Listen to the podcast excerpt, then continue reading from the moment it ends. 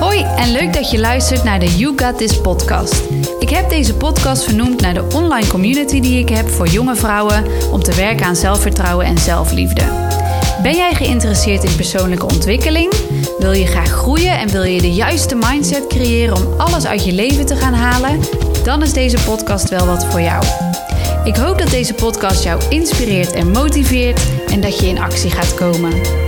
Laat me weten wat je ervan vindt en heel veel luisterplezier. En remember, you got this. Leuk dat je weer luistert naar een nieuwe podcastaflevering. En vandaag heb ik weer een gast. En Esme is mijn gast, dus welkom Esme. Yes, dankjewel.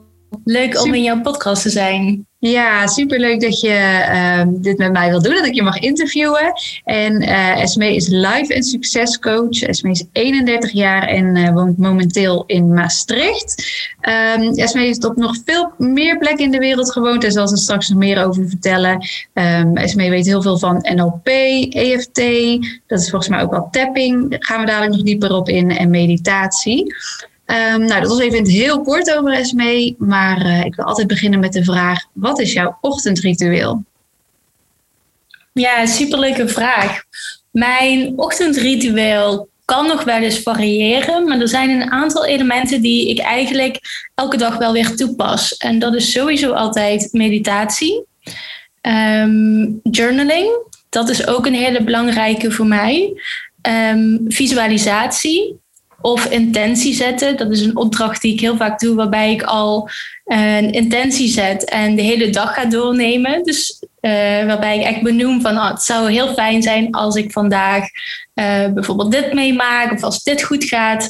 Um, dus zo zet ik de intentie voor de hele dag. En soms zit daar ook nog even een kort yogalesje bijvoorbeeld bij. Of even wat beweging. Of ik ga een wandeling maken buiten.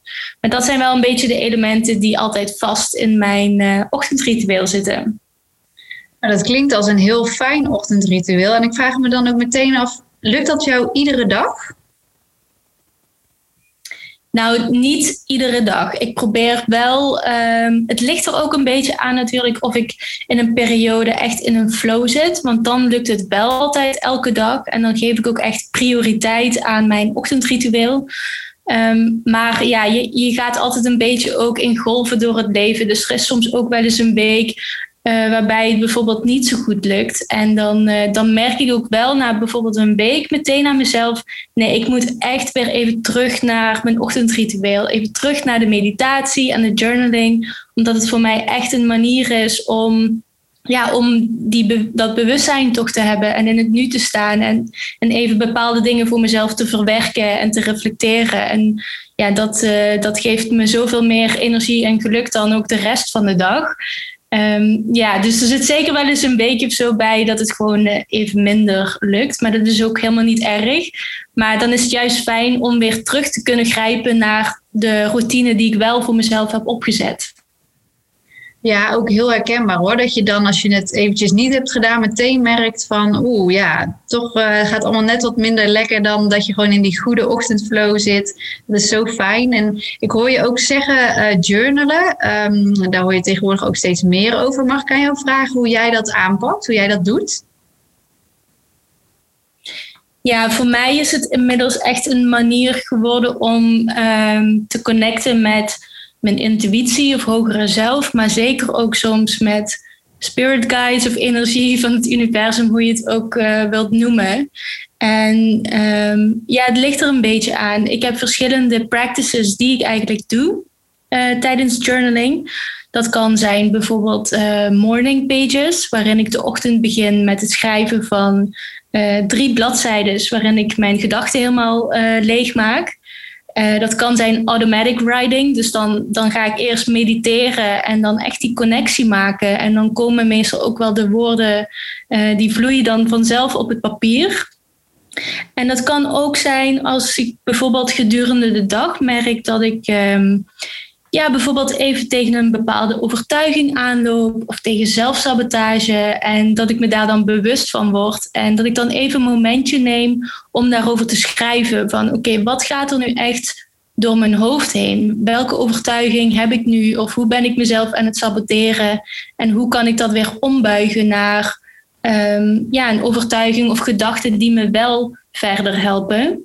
Ehm, ja, dus dat kan ook een manier zijn waarop ik dan even een momentje pak om, uh, om te gaan journalen. Super fijn. Ik uh, vind zelf ook altijd heel fijn en heel krachtig om dingen op te schrijven. Dus uh, ik denk voor mensen die dit luisteren, ja, echt wel een aanrader om, om eens te proberen. Um, je bent onder andere NLP-coach, dat tapping, EFT, dat is, um, zo noemen ze dat geloof ik. Kan je daar iets meer over vertellen? Ja, zeker. EFT staat voor Emotional Freedom Techniques. En het is een um, ja, soort psychologische acupressuuroefening waarbij je tapt op bepaalde punten in je lichaam. En die punten komen ook wel overeen met, um, met de oude Chinese wijsheid, dus de, de acupunctuur, waar ze dan de naaldjes uh, in steken. Maar dan tap je dus eigenlijk op die bepaalde punten. En wat dat doet is, um, door te tappen op die punten, wordt er een seintje naar je brein gestuurd um, dat je kunt ontspannen, dat het veilig is. En tijdens het tappen, uh, ja, er zijn dan eigenlijk drie verschillende ronden. Je begint altijd met een bepaald um, statement eigenlijk. Dat statement is om te bevestigen, een soort van zelfacceptatie en zelfliefde en dat het, dat het oké is wat je voelt. Dus dat, dat statement is dan bijvoorbeeld van, uh, ook al voel ik mij nu onzeker, ik hou van mezelf en ik accepteer mezelf volledig. En vervolgens ga je dan um, een ronde tappen op alle ja, negatieve gedachten die je kunt hebben. Dus dan mag je echt even je gevoel uiten, even uiten wat er door je gedachten heen gaat. Dat spreek je ook hardop uit, terwijl je op die punten tapt. En daardoor kun je dus eigenlijk al een soort van die negatieve gedachten en emoties loslaten. En vervolgens ga je dan nog een ronde tappen en dan gebruik je positieve affirmaties. En terwijl je dat dan doet, wordt nog steeds dat seintje naar je brein gestuurd. En uh, ja, het is heel bijzonder om mee te maken hoe je energie kan veranderen daarin. Dus het is echt een hele mooie manier om, uh, ja, om negatieve emoties of uh, stress of angstgevoelens bijvoorbeeld om te zetten in meer positievere emoties of gevoelens. En gebruik jij EFT en NLP ook veel in jouw coaching? Ja, zeker. Um, EFT um, ja, gebruik ik niet één op één met klanten, maar ik leer het ze wel uh, vaak om het zelf in te zetten. Omdat uh, het is gewoon een hele fijne tool om soort van in je rugzakje te hebben om in te zetten op het, op het moment dat je zelf merkt dat je ergens tegenaan uh, loopt. Um, dus ik leer het ze altijd wel zelf. En daarnaast NLP, um, ja, daar zitten wel een aantal technieken in die ik wel heel graag gebruik, ook samen met, met klanten. Omdat het, ja, ik, jij hebt ook NLP gedaan, geloof ik. Hè? Dus ja, dan weet je ook dat, uh, uh, dat er bepaalde technieken zijn die heel snel op het onderbewustzijn werken. Dus dat is uh, zeker heel fijn om te gebruiken, ja. Nou, ik heb zelf geen NLP um, echt gestudeerd, zeg maar. Uh, um, maar wel, ja, ik, ja okay. die technieken gebruik ik inderdaad ook wel veel. Omdat het natuurlijk ook allemaal wel op elkaar lijkt. En je uiteindelijk um, toch bij dat onderbewustzijn, ja, daar zit bijna alles opgeslagen natuurlijk. Dus uh, dat is natuurlijk wel belangrijk om daar naartoe te gaan. Maar uh, ja, ik vind het wel altijd heel interessant, uh, NLP en EFT. En ik vraag me ook af van, kan je iets vertellen over, ik weet er zelf een beetje van, um, maar je komt eigenlijk van een hele andere achtergrond. En hoe het dan zo is gekomen dat je nu als live- en succescoach aan het werk bent? Ja, het is echt een hele reis geweest inderdaad om um, ja, te komen waar ik nu sta en uh, hoe ik in coaching uh, ben ingerold eigenlijk. Ik ben begonnen met ondernemen in 2016. Toen heb ik uh, samen met mijn zusje een kledingwinkel geopend uh, voor vrouwen. En dat is een heel proces geweest om dat op te zetten. We zijn uh, letterlijk aan de keukentafel begonnen met het idee om Australische merken naar Nederland te halen. Toen hebben we een businessplan geschreven, zijn we gaan pitchen bij de bank. Nou, kwamen grote investeringen ook bij kijken. En uiteindelijk hebben we echt midden in het centrum hier in Maastricht hebben we dan een kledingwinkel geopend. Uh, maar eigenlijk vanaf het begin zijn we al uh, best wel snel tegen veel problemen aangelopen. Dus uh, we, hadden heel veel uitdagingen met, uh, met de Australische merken, die net op dat moment van fabriek waren gewisseld. Dus we hadden te late leveringen, leveringen met slechte kwaliteit, missende items, dat soort dingen. We hebben zelfs onze opening moeten verzetten, omdat gewoon de helft van wat we hadden ingekocht niet, niet binnen was.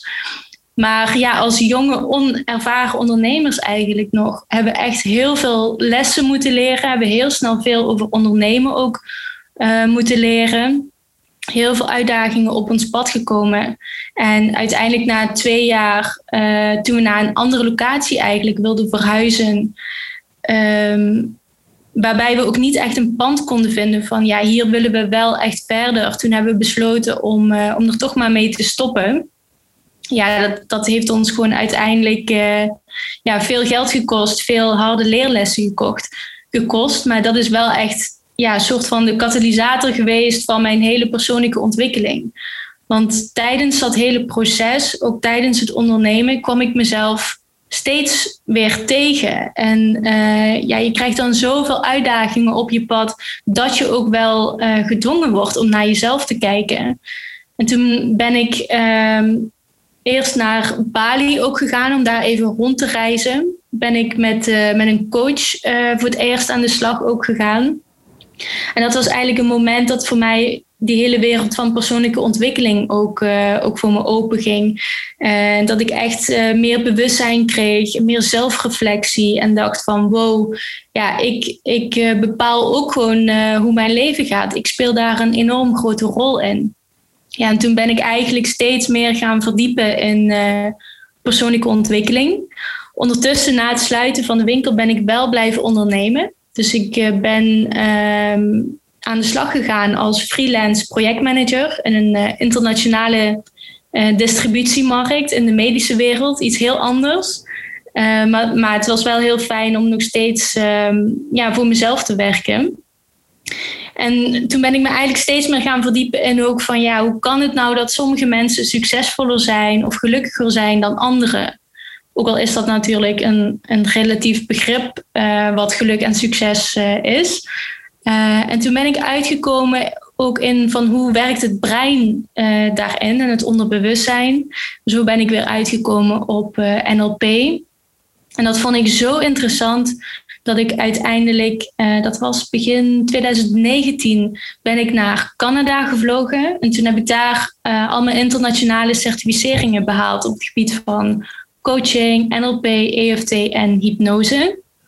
Ja, en, en dat heeft ook weer zoveel geshift voor mij. Want daar ging weer een hele wereld voor me open. En vanuit daar ben ik eigenlijk steeds meer begonnen met coachen. Um, eerst nog naast uh, projectmanagement, wat ik uh, toen nog deed. En um, ja, uiteindelijk uh, toch de beslissing gemaakt om, um, om te stoppen met de opdrachtgever, met werken voor die opdrachtgever. En toen ben ik voor vier maanden naar Bali verhuisd om daar me volledig te richten op mijn coaching business. En dat is nu een jaartje geleden, denk ik. Ja, super gaaf verhaal natuurlijk. Uh, maar mooi, ja, ik kan me voorstellen dat dat uh, veel ups en downs heeft gekend. En ik vraag me ook af, met welk gevoel ben je toen die eerste keer naar Bali vertrokken? Hoe zat je toen in je vel? Ja, die allereerste keer dat ik echt ging reizen, dat was ook nog tijdens dat wij uh, de winkel hadden. Ja, dus zat ik absoluut niet goed in mijn vel. Dat was ook echt, uh, dat, dat was ook de reden waarom ik dacht, ik moet nu ook gewoon hulp gaan zoeken en een coach gaan inschakelen. Want um, ik weet het gewoon even niet meer. En um, ja, toch al die uitdagingen die, uh, die je moet verdragen. En ook dat, dat hele ondernemersstuk. Het is niet niks om ook een fysieke zaak met een hele financiering en alles erbij op je schouders te dragen. Dus dat is zeker wel een hele moeilijke periode geweest. Um, ja, waarin ik echt dacht van ja, ik, ik moet nu gewoon iets gaan veranderen. Want um, ja, ik word er niet echt gelukkiger op. Nee, maar was dat ook echt wel het moment dat je misschien een beetje het diepst zat en dacht van um, ja, hier, uh, nu moet er echt iets gaan veranderen? Of, um, was, ja, of was dat een ander moment? ik denk dat dat moment niet mijn diepste moment is geweest, omdat ik ook wel weer heel veel energie uit het ondernemen kreeg. Dus ik kreeg daar wel echt ook de motivatie van om door te zetten. Ehm, maar ik denk voor die periode, dus voordat ik ook begon met ondernemen, ik heb me altijd een beetje verloren gevoeld. En ik was altijd op zoek naar ja, wat is mijn purpose nou in dit, in dit leven? Wat, wat wil ik nou eigenlijk met mijn leven doen? En uh, ik zat toen ook steeds in van die herhaaldelijke patronen, dat ik ook uh, bijvoorbeeld aan daten was en echte verkeerde jongens tegenkwam en dat ik weer gekwetst werd. En ik denk dat die periode dat ik echt uh, midden twintig was, dat dat wel, als ik nu terugkijk in ieder geval, dat dat wel eerder uh, ja, momenten waren geweest dat ik me echt van binnen heel ongelukkig heb gevoeld. Hmm, ja, en wat was voor jou, um, ja, wat heeft jou daar het meest in geholpen om daar ja, toch weer in te groeien of die volgende stap in te zetten? Wat zou een tip zijn, ook voor mensen die nu luisteren? Um, ja, wat, wat heeft jou echt geholpen? Wat mij het meest heeft geholpen is echt ik denk toch wel het zelfbewustzijn. Dus echt het onderzoeken van mijn eigen emoties, het onderzoeken van de belemmerende overtuigingen die ik had. Um, en eigenlijk ook mijn hele being op dat moment, de identiteit die ik heb die ik had opgebouwd, de rol die ik speelde, de maskers die ik, die ik misschien op had, om dat allemaal te gaan uh, onderzoeken. Want blijkbaar was er gewoon geen zelfacceptatie en geen zelfliefde. Uh, en was ik daardoor ook helemaal niet gelukkig. Dus een eerste stap en ook een tip daarin kan zijn om um, ja, ofwel met een coach aan de slag te gaan als je het lastig vindt om zelf uh, dat zelfbewustzijn meer op te bouwen. Maar ja, andere tips kunnen zijn om toch te gaan mediteren of journalen bijvoorbeeld, uh, om meer inzicht te krijgen in van wat, wat zijn mijn gedachten nou eigenlijk precies? Welke overtuigingen heb ik? Wat houdt me nu precies tegen in het leven? Ik denk dat dat wel uh, ja, de eerste stappen zijn die je kunt zetten um, ja, om je leven daarin te veranderen. Ja, goede tips. En uh, ik weet ook uh, voor mezelf dat het ook super confronterend natuurlijk kan zijn. Want ja, soms is het ook gewoon een beetje ja, makkelijker, zeg maar, om gewoon door te gaan op de automatische piloot. Maar ja, dit is wel, die bewustwording is wel echt, dat gaat je echt verder helpen. Daar ga je uiteindelijk zoveel van groeien. Maar ja, het kan ook natuurlijk wel heel confronterend zijn. Maar mooi dat jij dat toch bent gaan doen en dan nu um, ja, anderen daar ook mee mag helpen. Ik vraag me nog af, uh, het reizen, was dat iets wat je altijd al graag deed of begon dat een beetje bij Bali? Nee, dat, dat heeft er op een of andere manier toch wel altijd ingezeten. Ik ben voor het eerst naar Bali gegaan uh, tijdens mijn stage. Dus toen ik uh, mijn opleiding deed, International Business and Languages, toen ben ik in het derde jaar in mijn eentje ook naar Bali gegaan. Dus dat was toen al een hele grote, grote stap. En dat vond ik zo, uh, zo tof ook om, uh, om andere landen te ontdekken.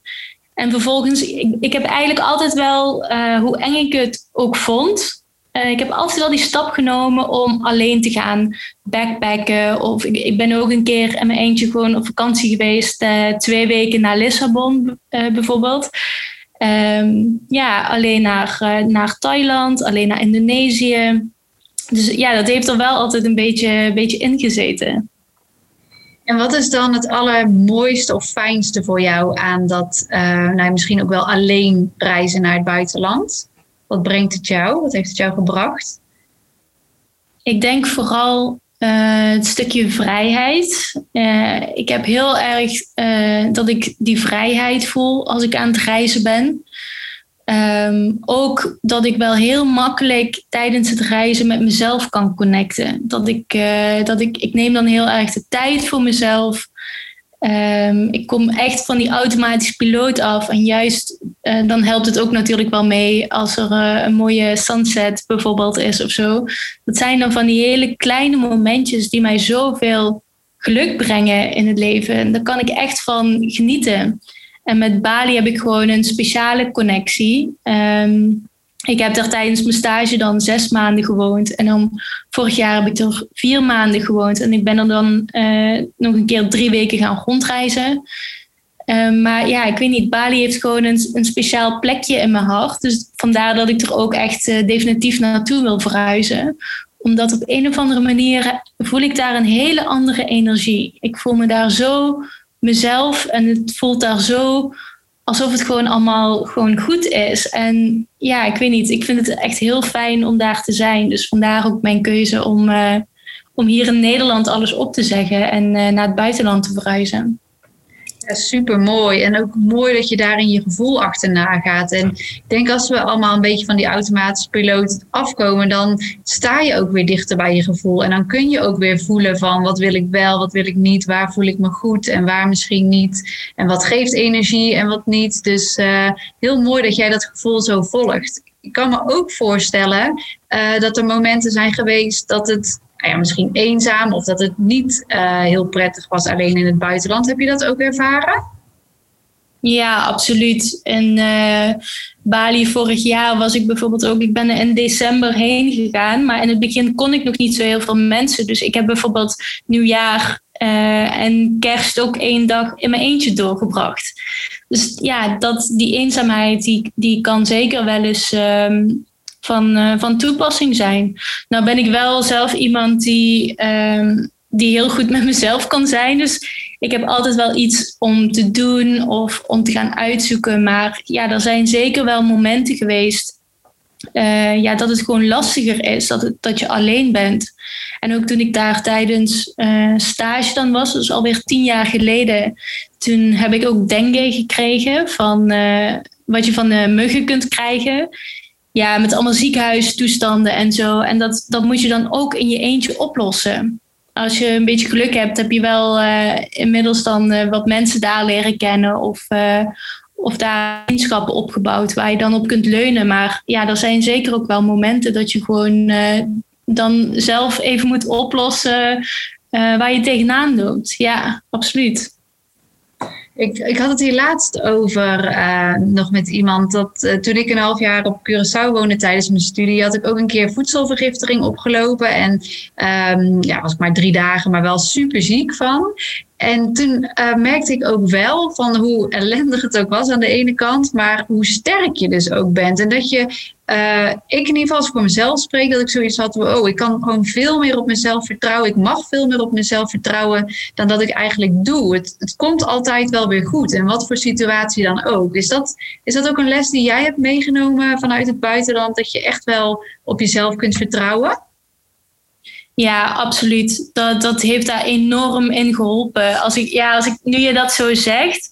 En als ik dan ook wel even terugdenk aan mijn backpackreizen bijvoorbeeld. Ik heb daar ook echt ja, situaties meegemaakt. Dat je echt denkt, wat ben ik nou weer aan het doen? En, maar dat je dan toch heel erg op je, op je gevoel afgaat. En heel erg gaat luisteren naar je intuïtie. Van, ja, is dit wel goed of niet? Is dit veilig? Kan ik dit doen? Dus ja, dat is wel heel mooi dat je dat zegt. Dat is sowieso een hele mooie les algemeen in het leven. Om echt steeds terug te komen bij jezelf. En te luisteren naar wat je lichaam je vertelt, wat je intuïtie je vertelt. En op basis daarvan je keuzes te maken. Ja. Ja, zo mooi als je daar echt op kunt vertrouwen. En ik weet um, dat best wel veel mensen een droom hebben om bijvoorbeeld naar het buitenland te gaan. Voor misschien korte tijd, lange tijd. Maar dat er dan natuurlijk heel veel um, beperkende overtuigingen bij komen kijken. Van ik kan toch niet zomaar mijn baan opzeggen of uh, qua geld. Um, wat zou jij mee kunnen geven? Wat is een, misschien een tip of gewoon hoe jij dat ziet? Hoe daarmee om te gaan. Als dat je droom is, als dat je gevoel is. En, maar ja, je blijft er toch in hangen van nee, dat, dat kan niet. Ik kan niet zomaar weg. Um, ja, ik heb daar eigenlijk twee tips in. In ieder geval die voor mij daarin heel erg geholpen hebben. De een is um, om een visie te ontwikkelen voor jezelf. Dus wat ik altijd heel sterk heb gehad, is ik, ik heb gewoon een visie voor mijn leven. Uh, waarvan ik gewoon weet, dit is het gewoon voor mij. Dit is wat ik in mijn leven wil bereiken. En onderdeel daarvan is naar het buitenland bijvoorbeeld gaan. Dus door uh, een duidelijke visie te hebben, wordt het voor mij ook makkelijker om keuzes te maken. Dus ook wanneer het moeilijk is of bepaalde uitdagingen zijn, dan weet ik waar ik het voor doe. En om even een voorbeeld ook te noemen. Um, ik heb afgelopen oktober heb ik dan mijn appartement opgezegd. Ik heb al mijn spullen verkocht, mijn auto verkocht. Maar wat, uh, wat ik het ergste vond is, ik had twee hele lieve katjes. En daar heb ik een nieuw uh, gezin voor moeten zorgen, zodat zij uh, daar terecht konden en dat ik dus naar het buitenland kon verhuizen. En dat is denk ik wel echt de moeilijkste beslissing in mijn leven geweest, omdat uh, ja, die beestjes waren toch al jaren bij me, allebei vanaf kitten. En dat, dat ging me zo aan het hart.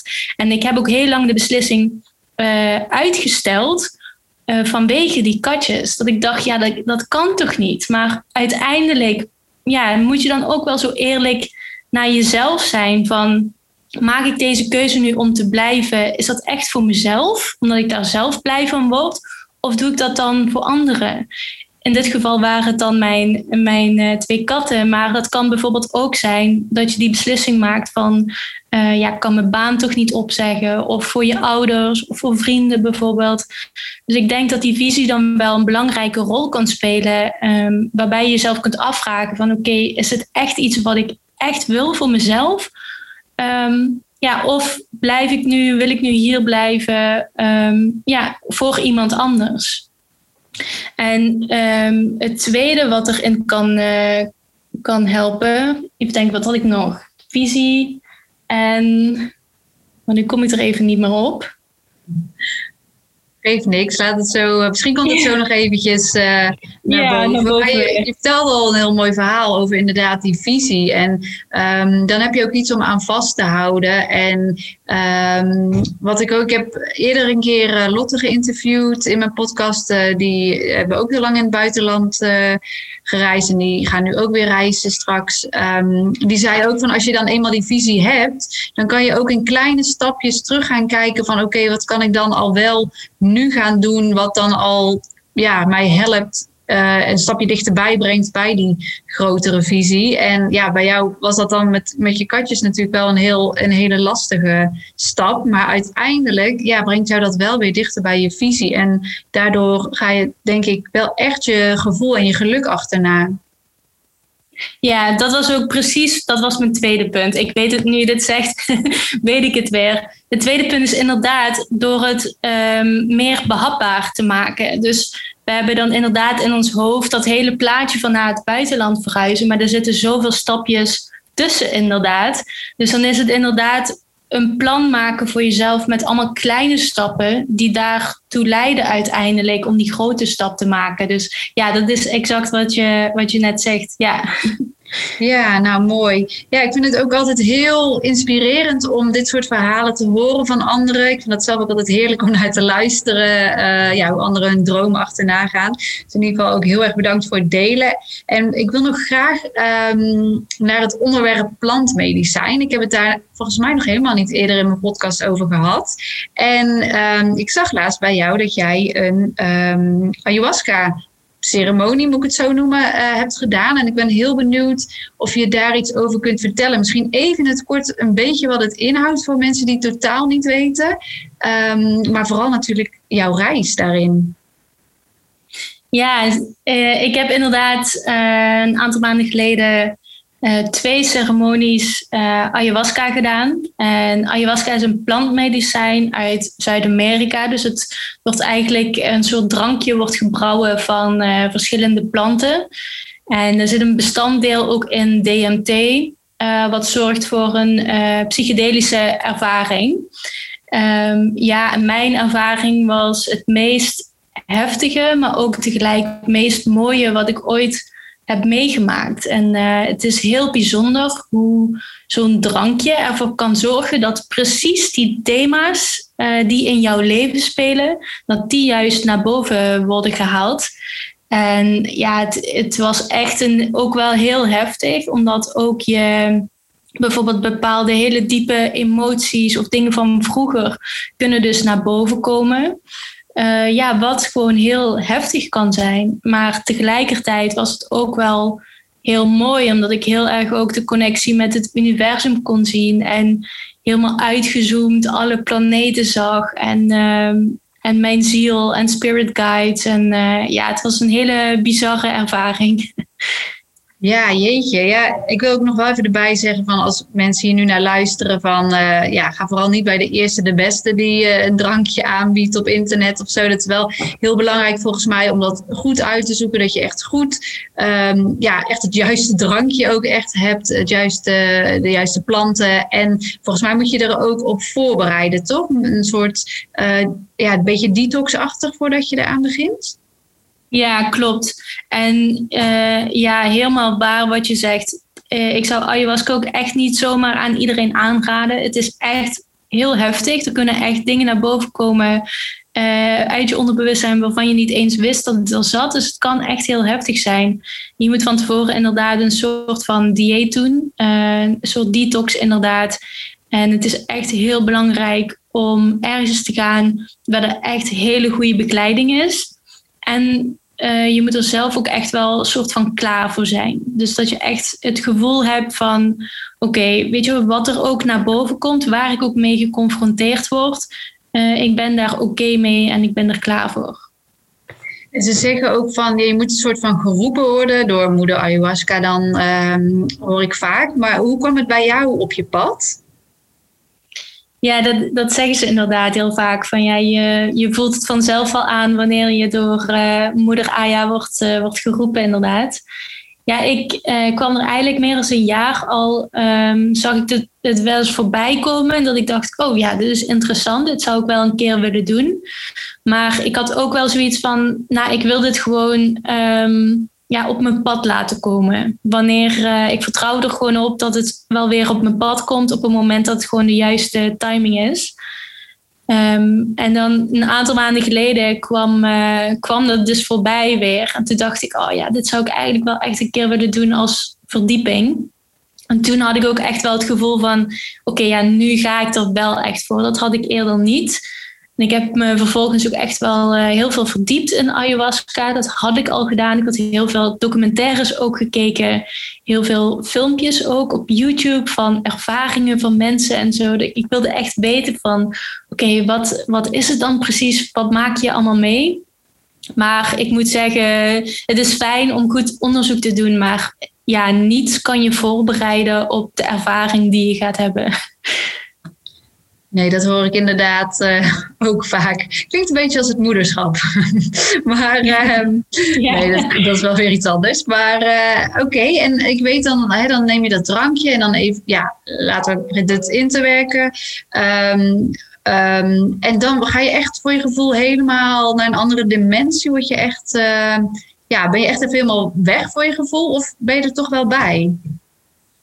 Je bent wel gewoon erbij. Dus uh, ik had ook tijdens de ervaring ook wel steeds van die momenten dat ik echt weer even terug in de ceremonieruimte um, was. En dat ik om me heen keek en dacht bij mezelf: oh ja, hier zit ik dan met dat emmertje tussen mijn benen. Uh, dus ik had echt wel steeds realisatiemomenten van waar ik was. Ik heb nooit het gevoel gehad uh, van. Um, ja, ik, ik zit niet meer helemaal in mijn lichaam. Al ga je wel qua visualisatie en ervaring. Um, ja, voor mij persoonlijk was het echt wel dat ik het hele universum inging. Um, dus dat is wel heel bizar om mee te maken. Maar uh, op het moment dat je even terug bij jezelf komt en op je ademhaling gaat letten en echt weer even in je lichaam gaat zitten, werkt het voor mij wel heel erg goed om weer even te gronden. Um, maar ja, het is een hele bizarre ervaring. En jij krijgt dan de dingen te zien, te horen, um, te voelen die jij op dat moment nodig hebt, waar je aan mag werken. Uh, wat neem je er dan zeg maar van mee? Hoe gaat het dan na zo'n ceremonie? Nou, na de eerste ceremonie dacht ik echt van, oh, dit doe ik echt nooit meer. Want toen was mijn uh, ervaring wel echt heel heftig. Uh, toen moest ik het ook echt even laten bezinken allemaal. Wat er allemaal gebeurd was, wat ik allemaal gezien had. Uh, het ging voor mij heel erg ook om het ego. Dus om het, het vele denken, het negatieve denken. Uh, maar ik heb toen uiteindelijk wel besloten om ook die tweede ceremonie gewoon nog te doen. Het was wel heel fijn. Wij hadden bijvoorbeeld na elke ceremonie, de dag daarna, hadden we een sharing circle. Dus ja, dat je echt even je ervaring ook mocht delen met anderen. Dat is ook wel heel fijn. Um, en de tweede ervaring is ook heel heftig geweest. Um, heftig in de zin dat er ook een stuk uh, uit mijn verleden naar boven kwam. Uh, wat zo ontzettend heftig was. Uh, maar ik had daar wel vervolgens een hele fijne afsluiting nog. Waarbij ik echt, ja, dus alles, dat, die boodschappen van het universum ook heb mogen zien. En ehm, dat mijn ziel altijd licht straalt en uh, dat ik gewoon heel krachtig ben en dat ik ook mijn, uh, mag gaan staan hier op aarde voor wie ik ben. En wat ik daar vooral uit meeneem, um, ja, het is toch ook dat, dat zelfbewustzijn, van dat er toch nog stukken uh, diep in het onderbewustzijn zitten die je nog kunnen hinderen in je dagelijks leven. Um, ook wel dat, dat die boodschap van het ego, dat, uh, ja, dat we toch af en toe zo'n soort monster in ons hoofd kunnen hebben, die zoveel negatieve gedachten kan hebben, wat eigenlijk helemaal nergens voor nodig is. Dus ook wel het stukje zelfbewustzijn van uh, nog meer van wat dat ego je allemaal kan vertellen en wat daarin waarheid is en geen waarheid is. En ook wel uh, wat ik heel erg daaruit heb meegenomen, is ook, ook wel mijn eigen uh, kracht. Want uh, ik heb mezelf letterlijk zien doodgaan uh, in een van de ceremonies. Um, ja, een soort van symbolisch natuurlijk. En daar kwam een hele grote phoenix uit voor. rising from the ashes, helemaal de vleugels uitslaan. En dat was ook wel echt een boodschap voor mij van... Ja, je mag je vleugels gaan uitslaan. Je mag je mag krachtig zijn. Je mag je licht gaan laten schijnen. En echt gaan staan voor wie jij bent. En, en dat je gewoon bijzonder bent hoe je, hoe je als mens uh, bent. Ja, dus dat zijn wel een beetje de lessen die ik er voor mezelf heb uitgehaald. Ze zeggen wel eens dat het uh, gelijk staat aan tien jaar therapie. Heb je dat ook zo ervaren? Ja, het is wel inderdaad wat ik net zei ook. Er is uh, een van de ceremonies is echt echt heel heftig geweest, waarin ik zo diep ben gegaan en echt bij een stuk van mezelf uh, kwam.